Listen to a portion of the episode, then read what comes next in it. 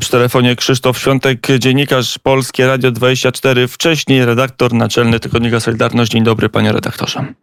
Dzień dobry, dzień dobry Państwu. E, szybki komentarz dzisiaj, wyrok e, Józef e, P. Tak chyba trzeba mówić, a może można używać naz całego nazwiska. Można używać całego nazwiska, zgodził się na to. Czy Józef Pinior, ważna osoba w Solidarności, ważna osoba w opozycji demokratycznej, potem ważny polityk Platformy Obywatelskiej, dzisiaj skazany na bezwzględne więzienie za korupcję. Jaka to jest historia? O czym nam opowiada historia pana senatora Piniora?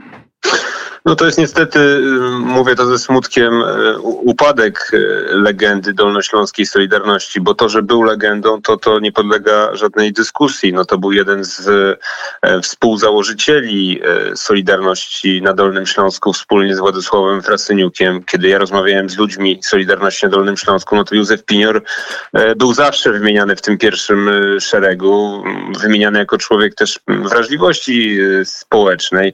No potem oczywiście jego legenda się jeszcze wzmocniła, kiedy e, w, wspólnie między innymi z panem Huskowskim e, wyprowadził z banku 80 milionów złotych i zdeponował je e, u ówczesnego arcybiskupa Henryka Gulbinowicza, czym uratował te pieniądze. To było tuż przed stanem wojennym, uratował te pieniądze przed zaborem przez komunistów, co byłoby oczywiste. No, po tym, o, tym, o tej operacji zresztą powstał film. E, więc Józef Pinior no, no, był tą legendą. No, potem niestety, można powiedzieć, wybrał taką ścieżkę polityczną, która była o tyle zaskakująca, że Platforma Obywatelska zawsze była ugrupowaniem e, liberalnym, czy potem już stricte neoliberalnym. No, pamiętamy te rządy Platformy z, z, takiego, e, z takich działań, które były antypracownicze. No ale taką drogę wybrał Józef Pinior, był senatorem Platformy Obywatelskiej i wydaje się, że no, pogubił się e, w tej swojej drodze e, życiowej. No, zarzuty, które były w tej sprawie, no, były bardzo dużego kalibru, to znaczy przyjęcie korzyści majątkowych wspólnie ze swoim asystentem na kwotę 40 tysięcy złotych za załatwienie sprawy dla dolnośląskiego biznesmena. No, chodziło z, o dopuszczenie do użytku centrum handlowego. Tam potrzebne były zgody e, między innymi Straży Pożarnej, ale także były, była pewnie potrzebna decyzja ministerstwa, bo to także interweniował w w Ministerstwie Infrastruktury ówczesny senator Platformy Obywatelskiej Józef e, Pinior. E, no, kiedy ta sprawa wybuchła, kiedy został e, zatrzymany, to słyszeliśmy z ust polityków Platformy Obywatelskiej ciężkie oskarżenia. O tym trochę mówił, mówił już minister sprawiedliwości Zbigniew Ziobro. No, na przykład na sali sejmowej poseł Platformy Henryka Krzywonos-Strycharska mówiła o tym, że niewinnych ludzi wyciąga się o 6 rano z domów, że to jest y, inspiracja polityczna działań CBA. Y, tymczasem no, materiał dowodowy był bardzo y, poważny, został i co ciekawe, to ja wyrażam tutaj uznanie dla sędziów zarówno e, sędziów pierwszej instancji, jak i teraz sędziów Sądu Apelacyjnego we Wrocławiu, że nie ulegli e, pewnej presji środowiskowej, bo ona bez wątpienia była wywierana. No nie bez powodu Józef Pinior pojawiał się na manifestacjach e, przeci przeciwko reformie sądownictwa. Mówił o tym, że jest ofiarą politycznej nagonki.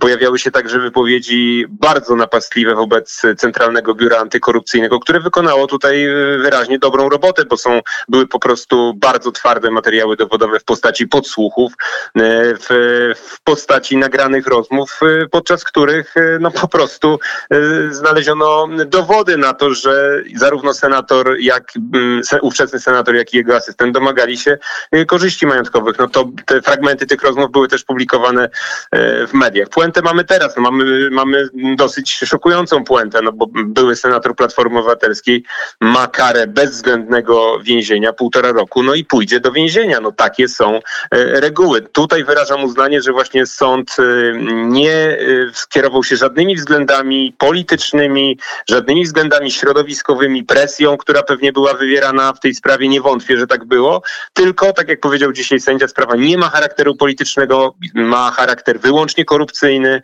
e, i za korupcję były senator Platformy Obywatelskiej pójdzie siedzieć. I jeszcze taka, jest, ta, taka jest sprawiedliwość. Europoseł, to europoseły nie zarabiają mało. Pojawiają się pytania, pytania, dlaczego dla 400 tysięcy, o ile tylko o to chodzi, bo to jest udowodnione, czego, co nie zostało udowodnione, tego nie wiemy, więc trudno nam spekulować. Być może tego było, tych łapówek było więcej, dlaczego się skusił.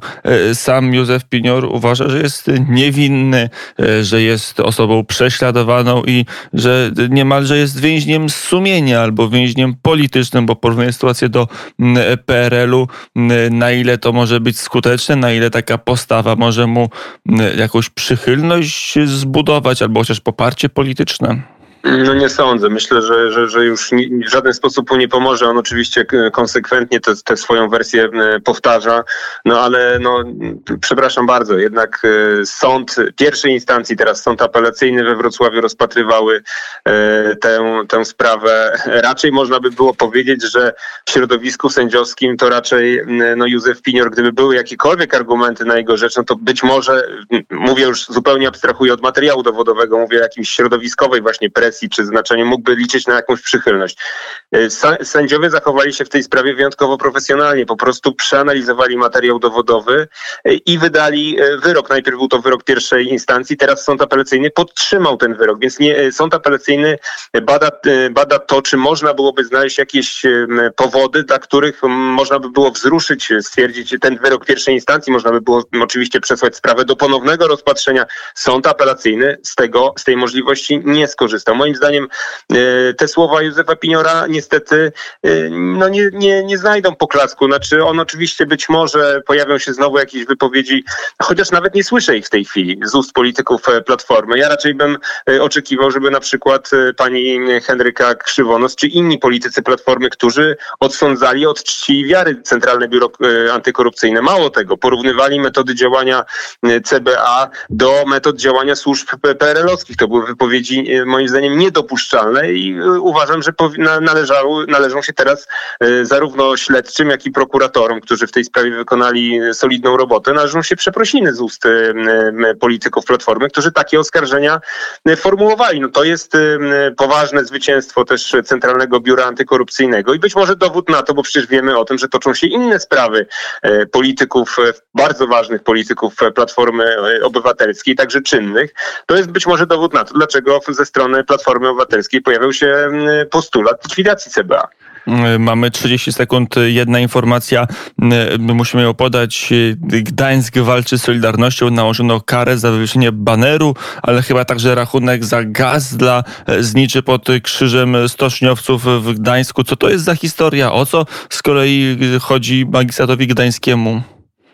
No to jest walka z Solidarnością. To, to jeżeli mamy 30 sekund, tylko krótko. To jest walka z Solidarnością. Ale to, to jest prawda? Co jest z tym rachunkiem za gaz do zniczy? To jest, to jest, to jest prawdziwa tym, informacja? Czy to jest jakiś Powiedział o tym wczoraj na konferencji przewodniczący Solidarności Piotr Duda, że y, co roku, że do tej pory y, Związek się nie chciał na to skarżyć, godził się na to, ale no wczoraj poinformował, bo pewna miarka się przebrała, powiedział, że co roku Związek Zawodowy Solidarność otrzymuje z y, gdańskiego magistratu fakturę VAT na za zużycie gazu potrzebnego do zapalenia znicza pod pomnikiem poległych stoczniowców. Ten znicz y, jest dużych rozmiarów, pali się podczas uroczystości. No, to jest y, żenujące. No to, jeżeli mam to krótko y, skomentować, to to jest po prostu żenada. Miasto powinno raczej kultywować Solidarność i wspierać ją we wszystkich działaniach, które służą także miastu, bo przecież Gdańsk to ma być miasto A była jakaś reakcja? Bo niektórzy mówią, że to są coś urzędnicy średniego szczebla, że o tym nie wiedzą, dyrektorzy